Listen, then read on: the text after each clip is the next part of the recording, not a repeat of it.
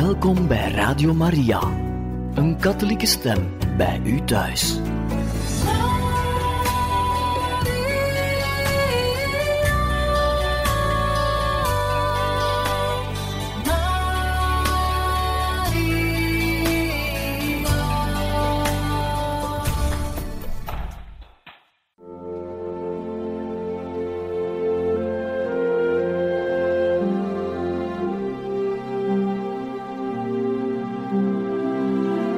Beste luisteraars van Radio Maria, welkom bij het programma Catechismus. Een overweging bij de geloofschat van de kerk.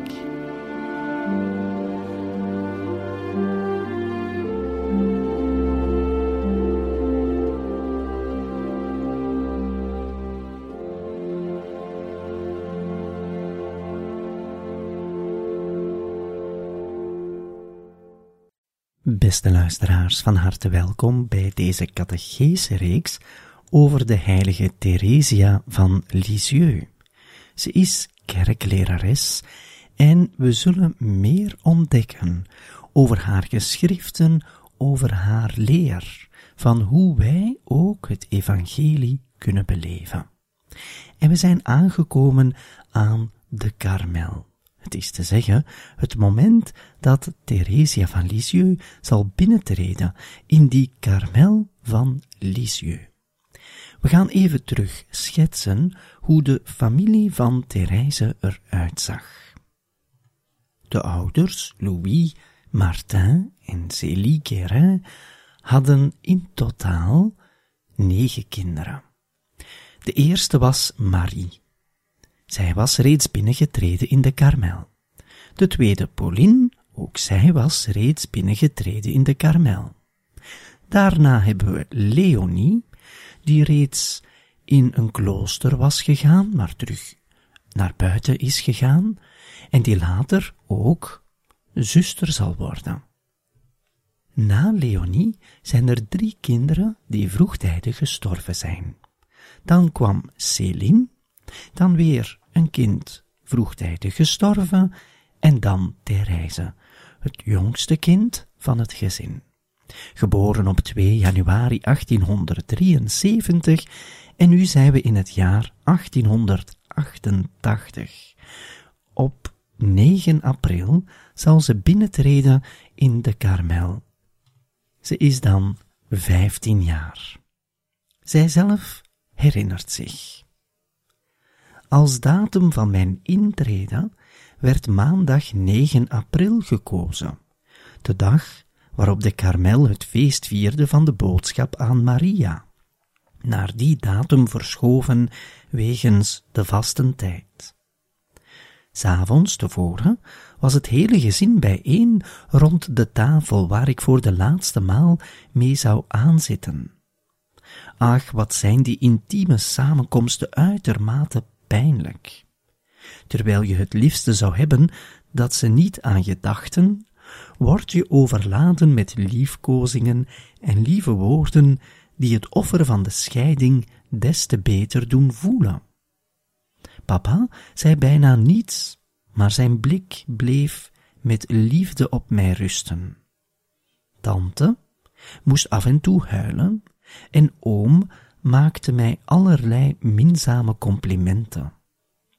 Ook Jean en Marie putten zich uit in attenties. Vooral Marie, die mij even apart nam en vergiffenis vroeg voor alle verdriet dat zij, naar haar idee, mij zou hebben aangedaan. Ten slotte overlaadde ook mijn lieve Leonie, die sinds enige maanden was teruggekomen uit het klooster van de visitatie, mij met nog meer kussen en attenties. Alleen over Céline heb ik nog niets gezegd. Maar u raadt wel, lieve moeder, hoe die laatste nacht verlopen is dat wij nog bij elkaar sliepen. En dan, op de ochtend van de grote dag, ging ik, na een laatste blik op de buissonnet, het lieve nestje van mijn jeugd dat ik niet meer zou terugzien, aan de arm van mijn geliefde koning weg om de Karmelberg te bestijgen. Net als de avond tevoren was het hele gezin bijeen om de heilige mis bij te wonen en te communiceren. Toen Jezus was neergedaald in het hart van mijn dierbare familieleden, hoorde ik om mij heen alleen maar snikken. Ik was de enige die niet schreide, maar ik voelde mijn hart zo hevig slaan dat het mij onmogelijk leek om naar voren te komen toen ons een teken gegeven werd dat wij naar de slotdeur zouden komen. Ik kwam toch vooruit, mij afvragend of ik niet zou sterven door die slagen van mijn hart. Ach, wat een ogenblik. Je moet het meegemaakt hebben om te beseffen wat het betekent. Uiterlijk kon je mijn ontroering niet merken. Toen ik alle leden van mijn lieve familie omhelst had, knielde ik voor mijn onvergelijkelijke vader neer en vroeg hem om zijn zegen. Hij knielde zelf neer en zegende mij onder tranen. Het was een schouwspel om engelen te doen glimlachen. Die oude man, die zijn kind aan de goede God gaf, dat nog in de lente van haar leven was. Enkele ogenblikken later gingen de deuren van de heilige ark achter mij dicht, en daar werd ik omhelst door de lieve zussen, die moeders voor mij waren geweest, en die ik voortaan tot voorbeeld van mijn doen en laten zou nemen. Eindelijk was mijn verlangen vervuld. Ik voelde zo'n diepe en zoete vrede dat ik die onmogelijk zou kunnen verwoorden en sinds zeven en een half jaar is die intieme vrede mijn deel gebleven. Ze heeft mij niet verlaten in de grootste beproevingen.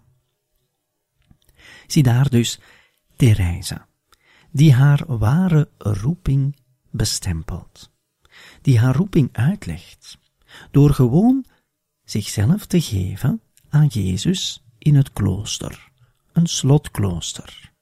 En het is over dat klooster van Lisieux dat we het ook even moeten hebben. De Carmel in Lisieux bestond nog niet zo lang. Het was net in dat jaar, 1888, dat men de vijftigste verjaardag van het ontstaan van de Carmel van Lisieux zou vieren. In totaal waren er al 47 zusters voor Therese binnengetreden. 47. Therese was de 48ste. Op het moment zelf dat zij binnentreedt, zijn er in de Carmel van Lisieux 26 zusters. Dit is een hoog aantal. Het maximum lag normaal gezien op 21. Maar de Carmel van Lisieux had een speciale toestemming ontvangen om meerdere zusters aan te nemen. In totaal waren er twintig zusters, zoals men zegt, van het koor. Twintig zusters die volledig de regel beleefden zoals ze voorzien was in de karmel. Daarnaast waren er vier lekenzusters en dan nog twee zusters die zorgden voor de communicatie met de buitenwereld. Dat zijn eigenlijk de verschillende statuten in de orde van de Karmel. Een koorzuster, de belangrijkste taak is het lezen van het officie, het gebed dus. Dan de lekenzusters, die eerder instaan voor allerlei dagelijkse kleinere taken. En dan een zuster die instaat voor de communicatie met de buitenwereld, die dus niet in het slot leefden en die daardoor ook een ander ritme hadden. Voornamelijk, zij gingen iets vroeger slapen, maar moesten vroeger opstaan om alles klaar te zetten en eventueel boodschappen te gaan doen. Natuurlijk zal Therese van Lisieux zich voorbestemmen om koorzuster te worden. Maar dus in de karamel waren er verschillende statuten. En het is te midden van die 26 zusters dat Therese zal binnentreden. 26, zoals zij zegt, moeders voor haar. want zij is natuurlijk zeer jong, vijftien jaar, en met de speciale toestemming van de bisschop, zoals we het eerder hebben vermeld, mocht zij binnentreden om haar roeping volledig te beleven. Zo dadelijk hebben we het ietsje meer over de Karmel van Lisieux, die gemeenschap van 26 zusters.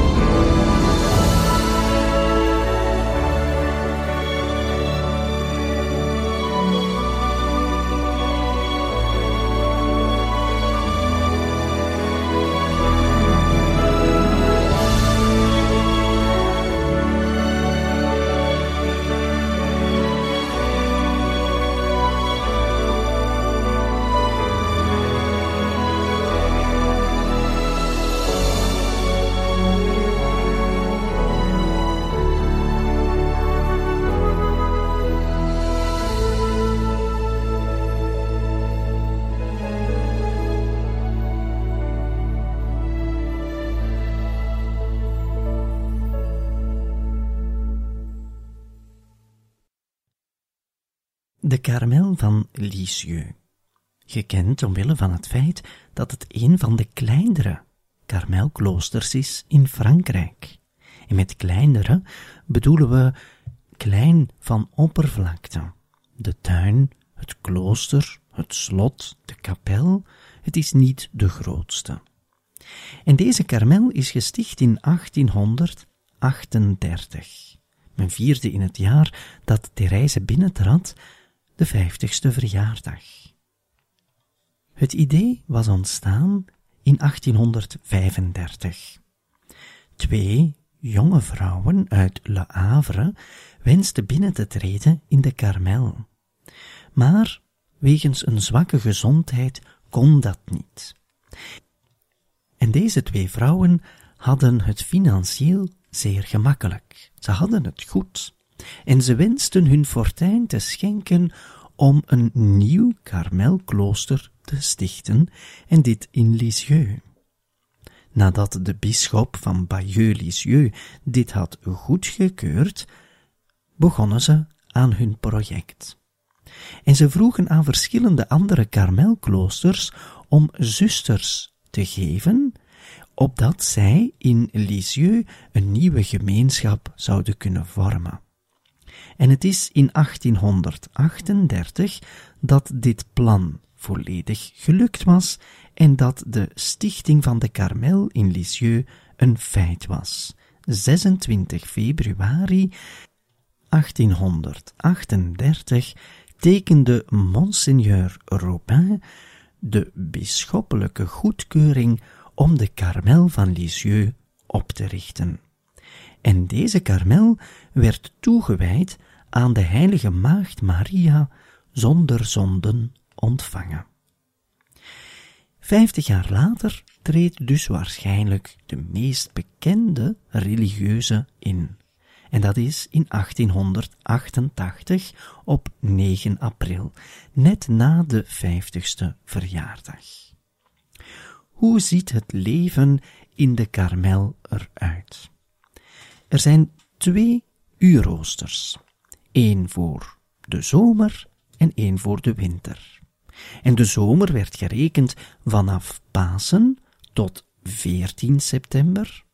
En dan was er het uur van de winter vanaf 14 september tot Pasen. In sommige ordes noemen ze dat ook de grote vasten.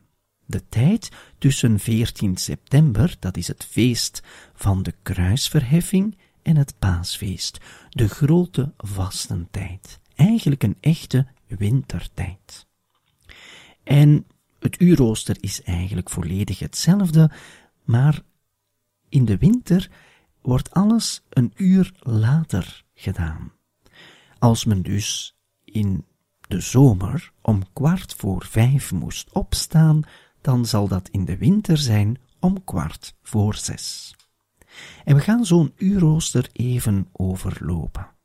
Het uurrooster van de zomer, van Pasen dus tot het feest van de kruisverheffing op 14 september. Dagelijks werd er opgestaan om vier uur 45, kwart voor vijf, morgens. Tussen vijf en zes uur morgens is er het stille gebed. Tussen zes uur en zeven uur s morgens bidt men het officie, de verschillende uren van het officie, zoals het getijdengebed, zoals we het vandaag kennen. Tussen zeven en acht uur s morgens had men de Eucharistie, de mis. Tussen acht uur en tien uur in de voormiddag was er het werk. En dat kon van alles zijn. Daarover later meer, wat Therese van werk zal doen. Om tien uur was er een kwartier voorzien om het geweten te onderzoeken. In de orde van de Karmel is het gewetensonderzoek van groot belang. Daarna volgde een kleine maaltijd, het ontbijt. Tussen elf uur en twaalf uur was er recreatie. Dit is een gewoon samenzijn van de hele gemeenschap, waarbij men werkelijk kon spreken met elkaar, elkaar ook beter leerde kennen. Natuurlijk, het leren kennen gebeurt ook in de stilte tijdens het werk, maar dan was heel de gemeenschap echt samen. Tussen twaalf uur smiddags en één uur was er siesta of vrije tijd voor ieder de eigen keuze. Tussen één uur en twee uur was er weer het werk. Om veertien uur, twee uur in de namiddag, werden de vespers gebeden.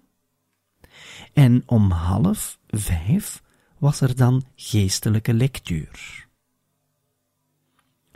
Om vijf uur in de late namiddag was er weer een uur stil gebed.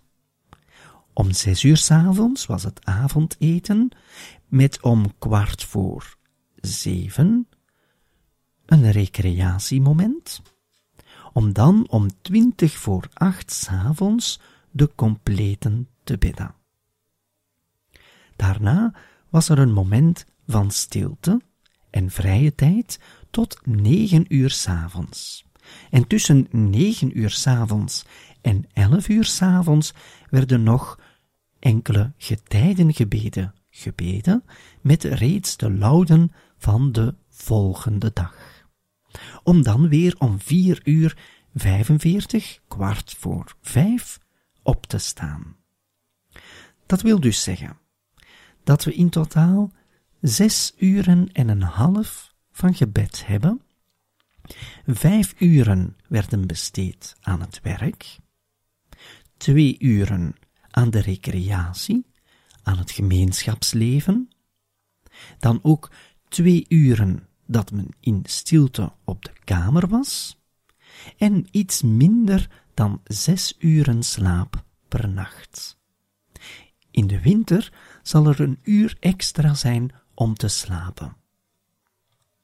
Ter vervollediging van deze informatie van het uurrooster zouden we er ook nog bij kunnen zeggen dat de zuster die instaat voor de communicatie met de buitenwereld, dat zij die laatste twee uren van gebed, van negen uur tot elf uur s'avonds, niet meedeed, om zo iets meer slaap te hebben en dan gemakkelijker en een uur vroeger te kunnen opstaan. Zoals we het hebben besproken, het uurrooster is niet licht. Integendeel, het is een zwaar leven in de karmel. Het is niet dat Therese binnentreedt in, ook al zal zij het ondervinden als een paradijs, maar voor velen in de wereld zien ze het zeker niet zo. Het was geen vakantie, het was werk, het was gebed, en het was ook werkelijk een overgave, een offer. Er was ook een vorm van penitentie bij. De maaltijden waren trouwens ook altijd licht. In die tijd at men geen vlees in de karmel.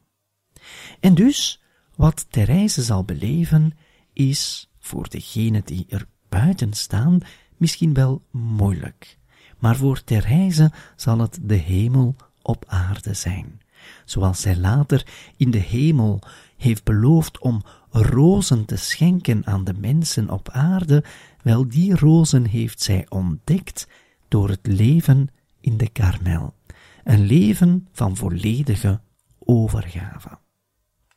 Zo dadelijk bekijken we verder wat er gebeurt met Theresa.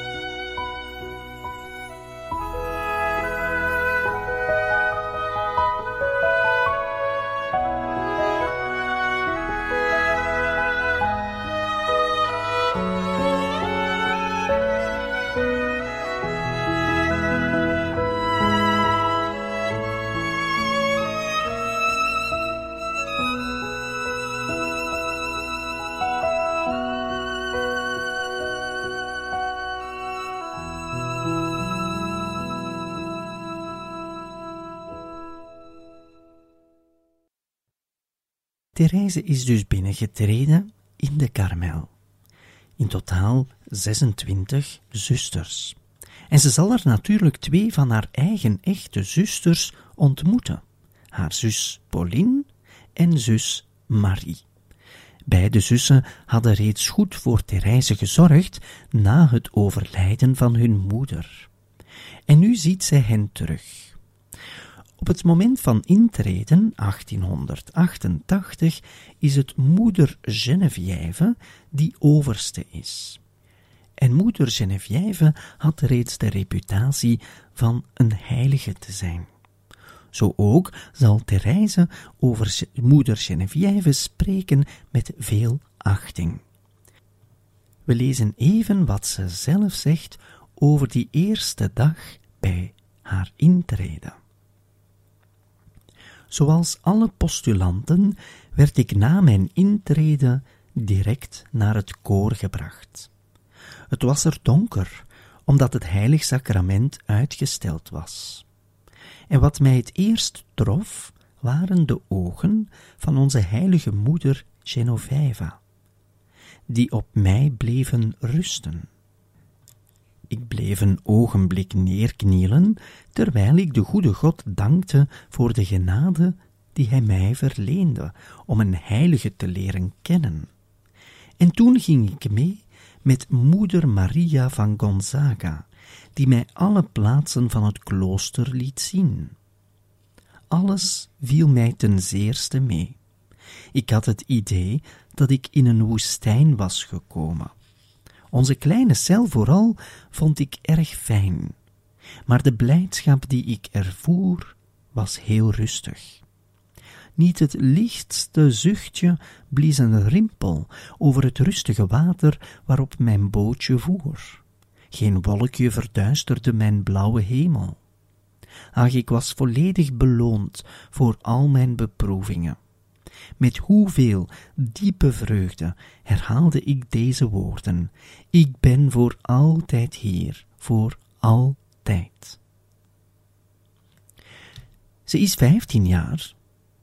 Zij maakt een levenskeuze die velen zeker niet op die leeftijd kunnen maken. En sommigen zouden misschien denken dat Therese een beetje aan het zweven is. Is zij misschien niet te jong om binnen te treden? Is ze wel capabel om die keuze op die leeftijd reeds te maken? En zoals ze het zelf zegt, ze is er dan ook voor altijd. Maar voor altijd is soms moeilijk te vatten, zeker als men jong is. Maar we moeten begrijpen dat Therese geen illusies had. Zij dacht niet dat zij enkel en alleen maar het goed ging hebben, gemakkelijk. Nee. Ze zal vele moeilijkheden kennen, beproevingen kennen, maar die zij zal overwinnen met de hulp van Jezus. De keuze van haar is volledig voor Jezus. En als men een keuze maakt voor Jezus, wel dan rekent men vooral op de kracht komende van Jezus. Dat wij trouw blijven, dat is een vraagteken. Maar dat Jezus trouw blijft, dat is een zekerheid. En daar bouwt Therese haar eigen kracht op. Namelijk het vertrouwen op de trouw van Jezus. En dus, ze voelt zich heel gelukkig, heel gelukkig bij haar binnentreden. Maar ze gaat even verder. Dat geluk, zegt ze, was niet van korte duur. Het zou niet vervluchtigen met de illusies van de eerste dagen. Wat die illusies aangaat, de goede God heeft mij de genade verleend geen enkele illusie te koesteren toen ik intrad in de karmel. Ik heb het religieuze leven net zo gevonden als ik het mij had voorgesteld. Geen enkel offer verbaasde mij. En toch, u weet het, heb ik gedurende de eerste tijd meer doornen dan rozen op mijn pad gevonden. Ja, het lijden sterkte zijn armen naar mij uit, en ik heb er mij met liefde in geworpen. Wat ik in de karmel kwam doen, heb ik verklaard aan de voeten van Jezus in het heilig sacrament, tijdens het onderzoek dat voorafging aan mijn professie. Ik ben gekomen om zielen te redden en vooral om te bidden voor de priesters. Therese vertrouwt ons hier haar reden toe. Natuurlijk, de eerste reden is dat men het leven volledig wil geven aan Jezus. Dat is de keuze die zij maakt. Maar dan heeft zij er nog, zeg maar, een extra doel aangekoppeld. Ze komt om zielen te redden. Sommigen van ons zouden misschien denken: ga dan in de wereld, is iets apostolisch doen. Nee, voor Therese is het anders. Zij gelooft in de kracht van het gebed, in de kracht van de zelfgave, in de kracht ook van de stilte. Door haar leven te geven, verborgen zoals het is, weet zij dat zij zielen kan redden. Ik ben gekomen om zielen te redden en vooral om te bidden voor de priesters. Ook dat tweede is zeer mooi. Dat ze gekomen is om te bidden voor de priesters, wetende dat zij nood hebben aan het gebed van de gelovigen. En het gebed van een religieuze voor de priester is natuurlijk van groot belang. Van groot belang voor het werk dat een priester kan doen in deze wereld. Reize gaat nog even verder. Als je het doel wilt bereiken, moet je ook de middelen ervoor ter hand nemen. Jezus deed mij verstaan dat hij mij zielen wilde geven door het kruis. En mijn smaak voor het lijden nam toe naarmate het lijden groter werd. Gedurende vijf jaar was dit mijn weg. Maar uiterlijk kon je niets merken van mijn leed, dat des te pijnlijker viel, omdat ik de enige was die ervan afwist. Ach, wat zullen ze aan het einde van de wereld verbaasd staan, als wij de geschiedenis lezen van de zielen. Wat zullen er dan heel wat mensen vreemd staan kijken, als zij zien langs welke wegen ik geleid werd. Dit is zeer mooi en spreekt alleen maar van een zeer groot geloof. Jezus weet alles en het is met Jezus dat wij omgaan. Het is Jezus die oordeelt. En Therese is eigenlijk volledig verstorven voor de opinies van anderen. Zij beleefde haar lijden in het innerlijke. Ze droeg het op voor die twee doelen waarover ze sprak: het redden van de zielen en bidden voor de priesters. En dan zegt ze er nog bij: op het einde van de geschiedenis zullen velen verbaasd zijn. En natuurlijk zal men niet alleen verbaasd zijn over reizen van Lisieux, zal waarschijnlijk ook verbaasd zijn over die vele anderen die in de stilte hebben geleden, die in de stilte hebben gebeden en zichzelf hebben opgedragen aan de Heer uit liefde voor de redding van de zielen en ook voor de priesters. Reize gaat nog even verder. Dat is zo waar dat twee maanden na mijn intrede pater Pichon, die gekomen was voor de professie van zuster Maria van het Heilig Hart, verbaasd stond toen hij zag wat de goede God in mijn ziel verrichtte. Hij zei mij dat hij s'avonds tevoren, toen hij mij in het koor had zien bidden, gedacht had dat mijn vurigheid nog heel kinderlijk was en mijn weg heel aangenaam. Mijn onderhoud met de goede pater was voor mij een vertroosting, maar het werd versluierd door tranen, door de moeilijkheid die ik ondervond om hem mee te delen wat er in mijn binnenste omging. Toch heb ik een algemene biecht gesproken, zoals ik het nog nooit had gedaan. Toen ik ermee klaar was, zei de pater deze woorden tegen mij, de meest troostrijke die ik ooit heb gehoord. In tegenwoordigheid van de goede God, van de heilige maagd en van alle heiligen, verklaar ik dat u nooit één enkele zware zonde hebt begaan. Hij voegde er nog aan toe: Bedank de goede God voor hetgeen hij voor u doet, want als hij u aan uzelf overliet, zou u een kleine duivel worden, in plaats van een kleine engel te zijn. Ach, het viel mij niet moeilijk aan dit woord geloof te hechten. Ik voelde hoe zwak ik was en onvolmaakt, maar mijn ziel was vervuld van dankbaarheid. Ik had een zo grote angst dat ik mijn doopkleed bevlekt had, dat een dergelijke verzekering uit de mond van een geestelijke leidsman, zoals onze moeder Theresia ze graag zag, dat wil zeggen, deugd verenigd met kennis van zaken, mij uit de mond van Jezus zelf afkomstig leek. De goede pater zei mij nog deze onvergetelijke woorden: Mijn kind, dat onze Heer altijd uw overste en uw novice meester mogen zijn. Wederom, het centrale van de roeping van Therese, namelijk Jezus, leven voor Jezus, door Jezus en met Jezus. En dat zal ze ondervinden. En dat leven, wel, dat gaat ook met kruisen gepaard, of zoals Therese het zei, met doornen. Niet alleen rozenblaadjes, maar ook doornen. En Therese zal die kennen. Maar het blijft altijd verborgen, omdat ze dat in de stilte opdraagt voor die mooie doelen waarvoor zij is binnengetreden, het redden van de zielen en het bidden voor de priesters.